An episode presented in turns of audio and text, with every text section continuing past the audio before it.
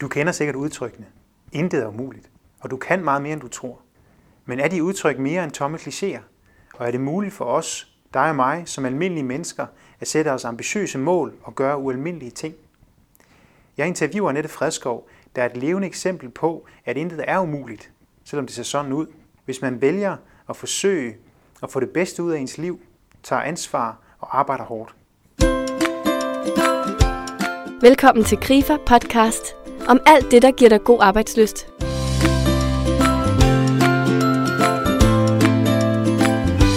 Annette Fredskov blev verdenskendt, da hun på bare 365 dage gennemførte 366 maratonløb. Hun er nu den person i verden, der har løbet flest officielle maratonløb i træk. Samtidig ser hun sig selv som en helt almindelig kvinde, der på trods af en sklerosediagnose traf et valg og bare gik efter at få det bedste ud af sit liv. Det gør hun stadig. Jeg taler med hende om motivation, livsløst og viljestyrke, og hvordan man kan motivere sig selv på trods af sygdom og udfordringer, og realisere sine drømme. Hvorfor gjorde du det egentlig? Hvorfor løb du 366 maraton på 365 dage? Jamen, altså, det der med at løbe, det er jeg simpelthen blevet forelsket i. Mm. Og øh, maratondistancen, den er øh, på en eller anden måde blevet magisk for mig, og har egentlig været det for mit allerførste maratonløb, som jeg løb den 31. oktober 2010, så det er jo ikke for så forfærdelig lang tid siden. Men det var simpelthen kærlighed ved første skridt, mm. og, og jeg var fascineret over, hvad jeg egentlig kunne, når krop og sind arbejdede sammen, øh, og jeg fokuserede på det, jeg ønskede. Mm. Så kunne jeg løbe sådan en maraton 42 km. Det var helt fantastisk. Samtidig med det, så havde jeg jo øh, en oplevede i forbindelse med, at jeg fik konstateret sklerose, mm. der oplevede jeg jo det der med at lade stå til, øh, med at være offer, det her med at synes, at det var synd for mig selv, det her med at bruge masser af energi på at fokusere på alt det, jeg var bange for, alt det, der kunne ske. Øh, så det var frygten boede i mig og, og havde alt for meget plads. Øh, og jeg oplevede, hvad der skete, da jeg gav sygdommen næring og næring og næring, så voksede den bare. Øh, og så opdagede jeg på et tidspunkt, heldigvis var det som om, jeg vågnede op fra mit mareridt, og tænkte, øh, jeg må kunne noget andet her. Og jeg fandt ud af, at jeg har faktisk et valg. Nu havde jeg brugt så meget energi på at fokusere på alt det, jeg ikke ønskede, og, og alt det, jeg var bange for. Men jeg kunne faktisk vælge at se på alle de muligheder, jeg stadigvæk havde. Og da jeg så langsomt fik bygget det ind i, i mit liv, og tog ansvar for, at jeg faktisk kunne gøre noget andet, og det var i, det her med, at uanset hvad livet byder der udfordringer, så bestemmer man selv, hvad man gør ved dem. Og da det gik op for mig, og jeg begyndte at arbejde aktivt på at ændre min indstilling til livet, øh, så kunne jeg mærke, hvad der skete af positive ting for min krop. Så, så jeg mærkede, at øh, jeg kan selv gøre noget. Og den der fascination med, øh, jamen hvad kan vores krop og vores sind, når vi arbejder, når det arbejder sammen. Så altså den kombination af, af at vil være undersøgende, det der med, at vi kan meget mere, end vi tror, samtidig med, at jeg elsker at løbe derude af. ja, okay. Var det så ligesom kombinationen af det, at du elskede at løbe? Og så sygdommen eller oplevelsen af, hvad du egentlig kunne gøre?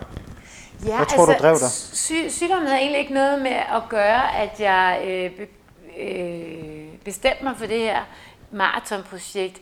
Men sygdommen var det, der øh, var med til at opdage øh, det her med, jamen, øh, jeg fik en diagnose, så kunne jeg selv bestemme, om jeg bare ville øh, sidde og, og synes, det var synd for mig, eller jeg rent faktisk vil sige, okay, hvad gør jeg så?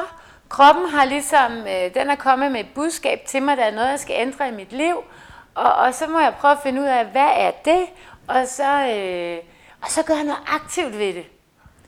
Så det er jo den fascination af, når jeg så rent, rent faktisk gjorde noget godt for mig selv, jamen så begyndte symptomerne stille og roligt at forsvinde. Og i dag har jeg jo kun diagnosen tilbage, og jeg øh, lever, som jeg er, er rask og ikke har nogen sygdom.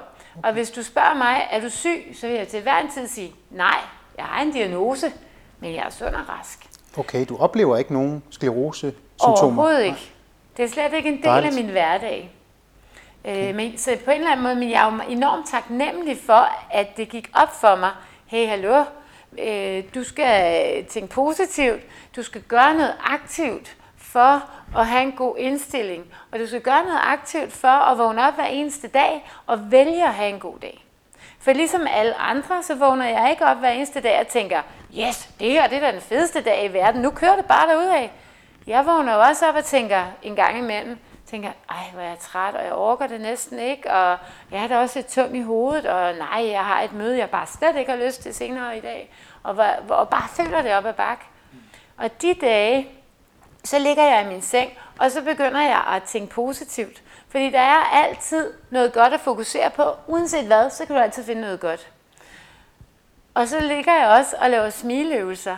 Så jeg ligger simpelthen i min seng og begynder at smile. Også selvom jeg ikke synes, der er noget at smile af. Men så bare det, det der med smilet, det gør noget ved vores krop. Så der kommer sådan en velværsfølelse.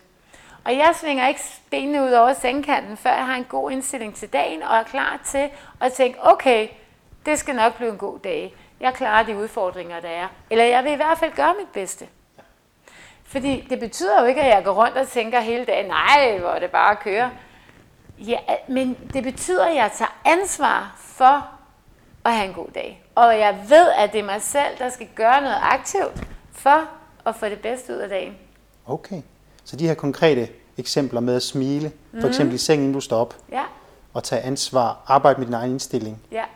det, det oplever du, det er sådan nogle konkrete ting, du gør, det er det. Og, og er meget bevidst om. Meget bevidst om.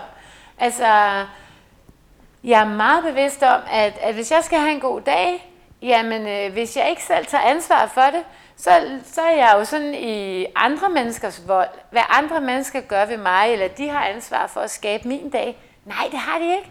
Jeg har ansvar for at skabe min dag. Og når jeg så møder mennesker på min vej, som, øh, som kan påvirke mig i en negativ retning, så er det stadigvæk mit ansvar at blive ved med at, at skabe en god dag for mig selv.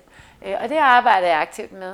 Og så har jeg fundet nogle redskaber, som, som jeg synes er simple, og som virker rigtig godt. Så, så det der med at ligge og smile i sengen, det gør jeg. Ikke, det er jo ikke nødvendigt hver eneste dag, men, men når det er nødvendigt, så gør jeg det. Og så bruger jeg de fem minutter på det, på at ligge og, og smile og mærke, at, at smilet kan forplante sig i min krop, og, og, og så tænke positivt. Fokusere på det, der er godt i mit liv. Okay. Og, og så øh, overmander det jo den der følelse af, at det er op ad bak. Okay. Så du øh, oplevede du, at de virkede, de der konkrete øvelser, også når det for eksempel øh, blev rigtig hårdt, mm. og du virkelig var træt ja. og ødelagt? Ja. Jamen, altså, det er, det er ikke for at ignorere de dårlige ting, men det er for at, at bygge et godt fundament for at kunne håndtere de dårlige ting. Eller de svære ting. Det er jo ikke dårlige, men de svære ting, eller de udfordringer, vi har. Øh, og vi bestemmer selv, hvilken version af virkeligheden vi fortæller os selv. Og nogle af de svære tider under projektet, det var blandt andet igennem vinteren. Altså, der, det var rigtig koldt sidste år, der var rigtig meget sne, og, og det var der stort set i fire måneder. Så det var, det var en udfordrende tid. Og, og jeg havde rigtig mange dage, som var hårde, fordi at der var sne på vejene, eller det snede, og det var koldt, og, og kroppen skal arbejde lidt hårdere i sådan et koldt vejr. Og hvis jeg havde løbet og tænkt, ej, hvor er det hårdt det her, og hvordan skal jeg dog klare tre måneder af vinter endnu, og vinteren er lige startet, og nu sneer det, og jeg har 30 km foran mig, og jeg skal igen i morgen. Hvis det var det, jeg havde løbet og tænkt, men det var jo sandheden. Men hvis det var, var det, jeg havde løbet og tænkt, så kunne det jo ikke lade sig gøre. Så ville det blive for hårdt simpelthen. Så jeg er jo nødt til at finde noget godt at fokusere på, og så tænke, nej, det var da dejligt, i dag blæser det ikke. Eller hold da op, øh, hvor er det dejligt, at øh, familien er med mig ud og kigge i dag. Eller hvor er det dejligt, der er så mange mennesker, der stiller op og løber sammen med mig, selvom det er vintervejr. Så jeg er nødt til at finde en positiv version af virkeligheden. Og det giver jo en styrke, og så tænker man, åh oh ja, jamen, så går det nok det hele. Ja, okay. Og det vælger vi selv, ja. også i vores almindelige hverdag. Udover det med fokus og den positive indstilling, så nævnte du noget med, med offerrollen. Mm. Og, og hvorfor er vi tilbøjelige til at, til at falde i sådan en offerrolle tit? Jamen, det, altså, vi har jo de her Jeg synes, det er sådan et sjovt billede på det, det her med at sige, at vi har et psykologisk klædeskab, mm. hvor vi jo, vi kender alle sammen det her med at have stemmer inde i os, altså øh, en dømmende stemme, når vi dømmer folk, eller, eller det, det kan også være, at vi dømmer os selv. Øh, og, så, og så kalder jeg dem de her forskellige roller, vi har offerrollen, øh, som vi jo kan tage på, den der uniform, eller vi kan faktisk også lægge den til side, men det kræver, at vi bliver bevidste om det. Øh, og den der offerrolle har jeg jo selv prøvet at bruge i mange hensener igennem mit liv, og den giver mig også meget. Øh, fordi da jeg brugte den, da jeg fik min øh, diagnose med sklerose, jamen offerrollen gjorde jo, at øh, jeg skulle ikke præstere. Jeg fik enormt meget omsorg, fordi hvor var det også synd for mig. Så, så offerrollen gør jo noget godt, og i det øjeblik, at du skal hænge den ind i skabet igen, jamen øh, at tage ansvar og sige, okay, jeg har ikke brug for dig, nu tager jeg ansvar for mit liv, jamen øh, så falder det jo tilbage på en selv. Og det kan være enormt skræmmende, indtil man faktisk finder ud af, hold op, hvor giver det meget frihed. Fordi så er det jo netop, at jeg kan begynde at gøre det, jeg har lyst til. Og ikke det, som livet sådan bare, at man følger med en eller anden strøm, man, hvor man ikke helt ved, om man egentlig har lyst til det, eller ikke har lyst til det, men man gør bare det, som der lige falder for. Men i det øjeblik, man begynder at forholde sig til, hvad har jeg egentlig lyst til? Hvad er det, der får mit hjerte til at banke? Hvad er det, der kunne være fedt for mig? Og, og, og så vide, jamen øh, måske får det hjertet til at banke så meget, at jeg har lyst til at gøre en ekstra indsats for det, faktisk har lyst til måske at prøve at få det til at være virkelighed, så kan jeg gøre det. Men det kan også være, at der er nogle ting, hvor jeg tænker, åh, det kunne være meget fedt, men ej, jeg gider faktisk ikke at gøre indsatsen, så den ligger jeg lige på hylden igen. Men det der med, at man selv kan vælge, vi, vi kan faktisk selv vælge, hvad vi har lyst til at fylde vores liv ud med. Og så ved jeg, at folk kan sige, ja, det kan du sagtens sige, fordi du, du har bedre muligheder end mig. Men det tror jeg ikke helt rigtigt på. Jeg er med på, at nogle mennesker sidder med bedre kort på hånden. Men det er vores eget ansvar at spille dem. Så vi bliver nødt til at gøre, hvad vi kan for at få det bedste ud af livet. Og det er hele tiden et spørgsmål om, hvordan vi prioriterer. Og hvis vi så indtil nu måske har lavet nogle valg, som ikke har været, man ikke synes har været så hensigtsmæssige, så kan vi jo begynde at vælge om nu. Lige nu.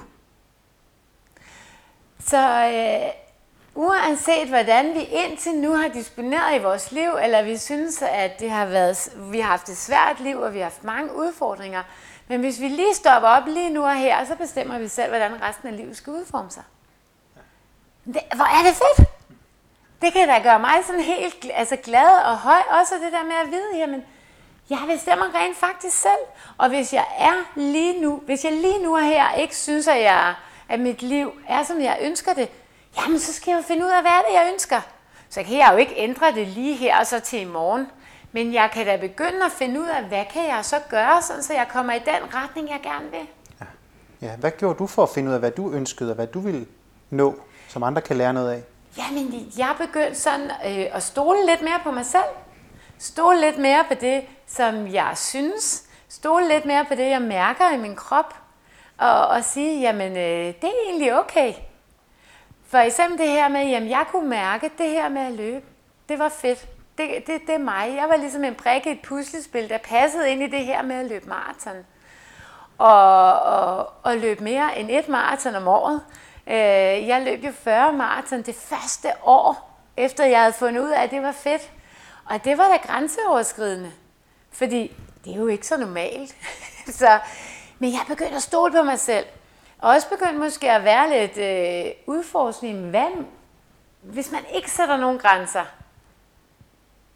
jamen hvad ønsker jeg så egentlig? Det er en meget god øvelse det her med at sige, okay, nu kan jeg vælge på alle hylder. Der er ikke nogen begrænsninger, ikke noget med økonomi, ingenting, ikke noget med tid. Alt kan lade sig gøre. Hvad vil jeg så? Det skulle man faktisk begynde at sidde og summe lidt over, ikke? Sådan brainstorming. Og så kan man netop begynde at finde ud af, okay, hvad er så vigtigt for mig at prøve at, at, at undersøge eller prøve, ikke? Så vi skal bruge noget lidt mere tid på at finde ud af, altså sidde med os selv og, og, og måske lave brainstorming på forskellige ting. Mm. Var det, var det sklerosediagnosen, der skubbede til i forhold til, at du kom ind i den proces, hvor du blev meget skarpere på dine egne prioriteringer? Eller hvad? Det var det. Øh, det, det var i hvert fald det sidste skub. Jeg var i en udvikling på det tidspunkt, da jeg læste til coach, og det, der, der var jo masse selvudvikling med det, så jeg var på vej, men det var sklerosediagnosen, der gjorde, at jeg først fik øh, dødstødet, hvor at sige, altså det var da det mest frygtelige, og nu stopper mit liv, ikke?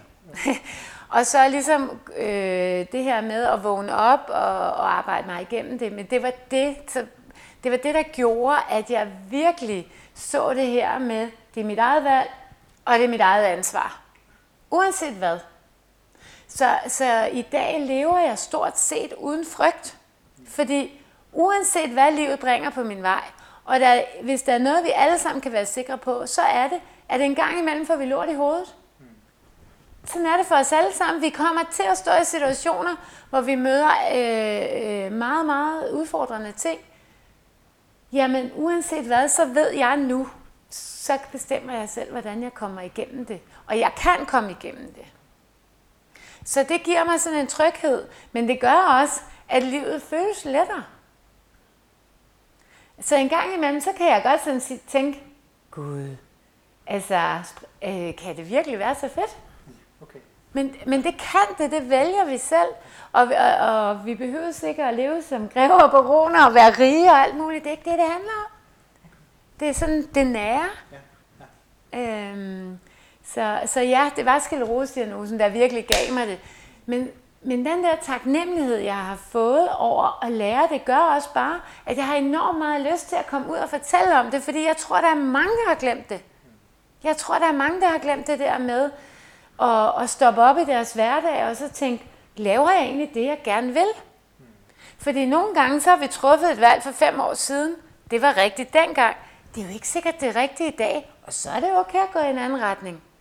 Eller, så jeg synes nogle gange, at vi skal stoppe op og tænke, gør jeg det, jeg har lyst til? Ja. Okay. Du har så også erfaret, du har sat dig et meget højt mål mm. med at løbe de her 366 ja. maraton i streg, og du faktisk fuldført. Mm. Den erfaring af at fuldføre, ja. og kunne mere, end man, man måske tror, man kan, er det den, der har givet dig så meget tro på livet? Øh, det er ikke det her noget mål, der har gjort det, men det er kommet på rejsen. For mig har, det, har rejsen været lige så vigtig som målet. Og det der med målet, det har jeg jo arbejdet enormt meget med, fordi det var så stort. Også for at finde ud af, jamen er det, hvis det kun er målet, der er vigtigt, øh, så vil det være for svært at nå derhen. Så det der med, at rejsen var lige så vigtigt, hver eneste dag med nysgerrigheden, og hvordan, hvordan takler vi lige det, og hvordan får vi det bedste ud af den her dag, som i princippet er rigtig svær, og det har været lige så vigtigt. Alle de fantastiske oplevelser, jeg har haft undervejs, øh, som har været næring til at også kunne fortsætte. Øh, ja, men jeg tænker, målet, det er rigtig, rigtig godt værktøj.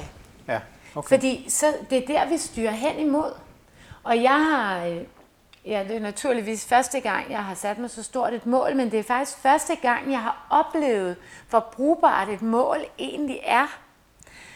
Mange mennesker kan være lidt bange for at sætte et mål, fordi hvad nu, hvis de ikke øh, opnår det? Mm. Øh, men det tænker jeg, at vi skal lægge frygten, og så skal vi arbejde på at være fokuseret på, at vi godt kan. Og, og tro på, at vi godt kan. For det, det, jeg har været fra starten af, det er, at jeg har været 100% sikker på, at jeg er nået i mål. Altså det har simpelthen, troen har været i mit hjerte. Jeg har ikke kunne se vejen derhen, men jeg har tillid til, at jeg vil finde den stille og roligt, og jeg vil finde løsningerne, som nu udfordringerne kom. Så den der tro på at kunne det, og have en tillid til, at jeg nok skal magte det efterhånden, som jeg selvfølgelig bliver udfordret. Den tænker jeg, så, så er et mål meget, meget brugbart. Men det kræver, at man lige stopper op. Altså, vi, vi kan godt have tendens til sådan at jeg kunne godt tænke mig, at øh, nu vil jeg også, nu vil jeg også tage 5 kilo. Jamen, hvis du ikke sætter dig ned og tænker, okay, det vil jeg faktisk det her, og det vil jeg til den og den dato, og jeg har rent faktisk tænkt mig at gøre det, og ligesom fortæller cellerne i din krop og, og, og, og i dit sind, at det her, det vil du arbejde for, sådan så hele kroppen og sind arbejder sammen for at nå hen mod målet. Vi skal, arbejde, altså, vi skal gøre lidt for det. Mm. Ja, det kommer ikke af sig selv. Nej, Nej. og det er okay. Altså, det, og det, det synes jeg er vigtigt at vide det der med. Mm. Det er rent faktisk fedt at sætte sig i mål, og så gøre en indsats, og så nå derhen. Fedt nok. Ja, bestemt. Det er, det, man vokser som menneske, er det, mm. synes jeg. Ja. Så det, at du har gjort det, har det lært dine børn, at, at alt er muligt for dem, hvis de vil? Helt sikkert. Det har det. Og det har også lært dem, altså fordi for mig er det blevet enormt vigtigt, at man ikke siger, jeg kan ikke. Nej. Og det, det, det kan vi godt som mennesker sige, men det kan jeg jo ikke. Den sætning skal man aldrig bruge, fordi det passer jo ikke. Du kan sige, det har jeg ikke lyst til at gøre en indsats for. Det der, det er ikke vigtigt nok til, at jeg rent faktisk vil lave alt det arbejde, der skal til. Derfor kan jeg ikke. Men det passer ikke at sige, det kan jeg ikke. Jo, du kan, hvis det er vigtigt nok for dig, at du vil gøre indsatsen. Så kan du jo godt. Og hvis du går og siger, sådan, histopis, det kan jeg ikke. Ej, men det kan jeg ikke. Så overbeviser du cellerne i din krop om, at du er et menneske, der ikke kan. Og så fejlprogrammerer du. Så du er nødt til at være mere præcis og sige, ej tak, det har jeg faktisk ikke lyst til. Det lyder, faktisk, det lyder meget fedt, og det kunne også være fedt, men jeg gider altså ikke arbejde 20 timer med det, for at, at det kan lade sig gøre. Fint nok, så er det et fravalg. Og det synes jeg er så vigtigt at være skarp på det, fordi vi programmerer os selv med de ting, vi siger. Og hvis vi siger, det kan jeg ikke, jamen øh, så har du sagt det 100 gange, jamen så ligger det på din ryggrad, jamen jeg er sådan en, der ikke kan. Mm. Og det sænker dit selvværd. Ja. Så det er bare så vigtigt, at vi fortæller os selv de rigtige historier, fordi cellerne og vores sind hører det. Ja. Okay. Så det er jeg blevet meget skarp på. Så mine børn får ikke lov til at sige, at de ikke kan. Nej, jeg skulle til at sige det. Den, ja, den, den går ikke herhjemme. Nej, det gør den ikke, fordi så, altså, så, så, jamen, så snakker vi om det, og så, så siger jeg, husk nu det der, du kan faktisk godt, men du har bare ikke lyst, fordi ja. at, øh, du har ikke lyst til, at du hver eneste dag skal øh, lave øh, fem, øh, fem armbøjninger, eller hvad det kunne mm, være. Ikke? Altså, mm, mm. Og det er fair nok. Ja. Okay. Så det er okay at sige, at man det er, ikke har lyst eller ikke vil. Men ja, det der med, at man ikke kan, den duer ikke. Den duer ikke. Nej, det er meget okay, og du mm. skal jo sige, det, at der er nogle ting, du ikke har lyst til, fordi vi har kun 24 timer i døgnet, så vi skal hele tiden prioritere, hvad det er, vi har lyst til. Og vi skal jo øh, gå efter guldet. Altså guldet for os. Det er helt sikkert. Der er nogle ting, vi er nødt til. Du er nødt til at gå i skole. Det kan du ikke lade være med. Og det er ikke altid, man gider, men det skal man alligevel. Men i ens fritid, der skal du da finde ud af, hvad er det så, jeg gerne vil? Vil jeg spille fodbold, eller håndbold, eller vil jeg løbe, eller hvad pokker vil jeg gå til skak? Altså, der skal vi da finde ud af, hvad det er, vi vil. Ja, okay. Hvad tænker du er dit næste mål? Sådan rent øh, løbemæssigt. Altså, så... Øh, jamen, der er så mange muligheder. Men det, der lige er blevet min næste store mål nu, det er at løbe 5 maraton på 48 timer. Så det skal jeg gøre her øh, sidst i maj, et, til et arrangement over på Bornholm, og det bliver en kæmpe udfordring og noget nyt for mig, det her med, at, at der er så kort tid imellem, at, at jeg skal løbe, så det bliver sjovt og spændende. Øhm, men ellers så, så har jeg faktisk en, en øh, liste over drømme og mål, og, og det er faktisk noget, jeg gerne vil opfordre folk til at gøre, også det her med at finde ud af, hvad er det, vi vil. Så har jeg lavet fra 1 til 100, og så er det faktisk mine planer, der skal stå noget på alle 100 punkter, og det kan være store og små ting. Men det kan altså noget, vi drømmer om, eller noget, der kunne være et mål. Og det er ikke sikkert, at det hele det skal gå i opfyldelse, det er ikke sikkert, at vi har lyst til at arbejde for det hele, men det er bare det der med at blive mere og mere bevidst om, hvad er det for noget, jeg egentlig godt kunne tænke mig at putte i mit liv. Og den liste, den er lang, og der er både professionelt, og der er øh, løbemæssigt, og, og, og der er noget, jeg godt kunne tænke mig at opleve med min familie. Øh, så rent professionelt kunne jeg godt tænke mig at skrive en bog til. Okay. Så altså, det synes jeg kunne være enormt fedt. Det har været meget, meget givende for mig. Øh, og jeg synes, der er så mange ting, jeg gerne vil ud og fortælle. Ja, så, okay. Okay. så det er også en, det er en drøm. Ja.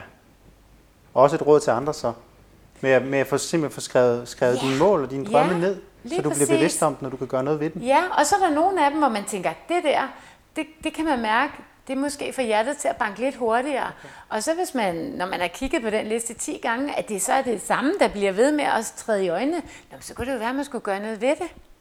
Og noget af det, jeg har for eksempel på min liste, at jeg godt kunne tænke mig at løbe øh, et maraton i alle 50 stater i USA på 50 uger.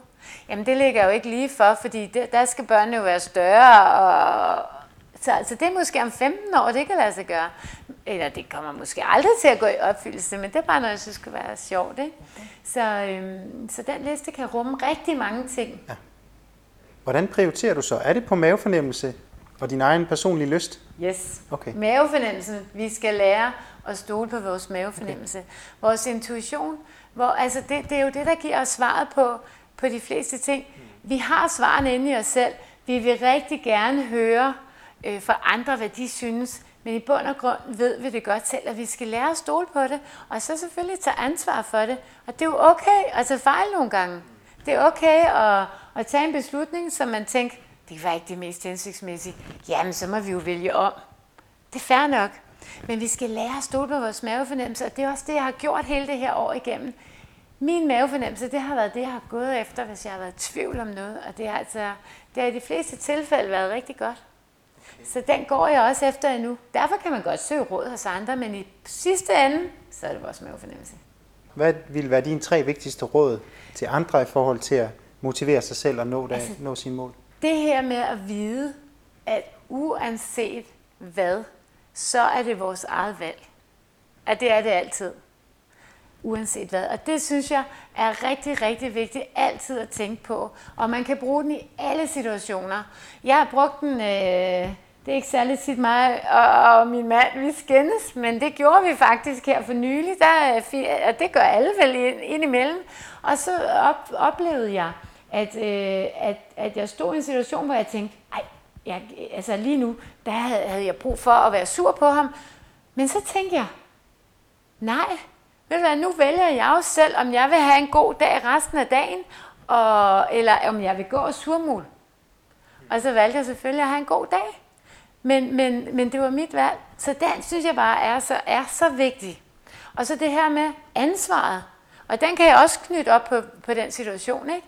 Det var jo mit eget ansvar, hvordan min dag skulle være. Det var jo ikke hans ansvar. Og nu tog jeg ansvar for, at jeg ville have en god dag, for det var spild af tid at gå og surmul. Så, så, så det synes jeg er enormt vigtigt, uanset hvad livet bringer. For det er jo en ting, vi kan være sikre på, det er det der med, at der kommer udfordringer på vores vej. Så der synes jeg, det er vigtigt med, med ansvaret. Og så er det også det her med, at, at tingene ikke kommer af sig selv. Altså man skal arbejde lidt for det. Og, og jeg arbejder øh, aktivt for at få en god dag. Det kommer ikke af sig selv altid. Så det her med at øh, lave smileøvelser, eller, eller sætte sig ned og lave brainstorming på, jamen øh, hvad, er det, hvad er det, jeg godt kunne tænke mig? Eller, jeg arbejder meget med mit selv, helt aktivt. Øh, så, så det er okay, at vi skal arbejde for tingene. Det handler altså om at træffe et valg. Og for dig og mig at vælge at forsøge at få det bedste ud af vores liv hver især. Det handler også om ansvar. At tage ansvar for sig selv og for andre. Og sidst men ikke mindst handler det om hårdt arbejde, da vi aldrig når vores mål, hvis ikke vi arbejder hårdt på at nå det. Det var Nettes tre vigtigste råd. Hvis du er inspireret og har lyst til at høre mere, så besøg grifapodcast.dk eller iTunes for at høre flere af vores inspirerende podcasts. Se også grifa.dk-karriere, hvor du kan finde meget mere inspiration omkring både motivation, arbejdsglæde og den gode karriere.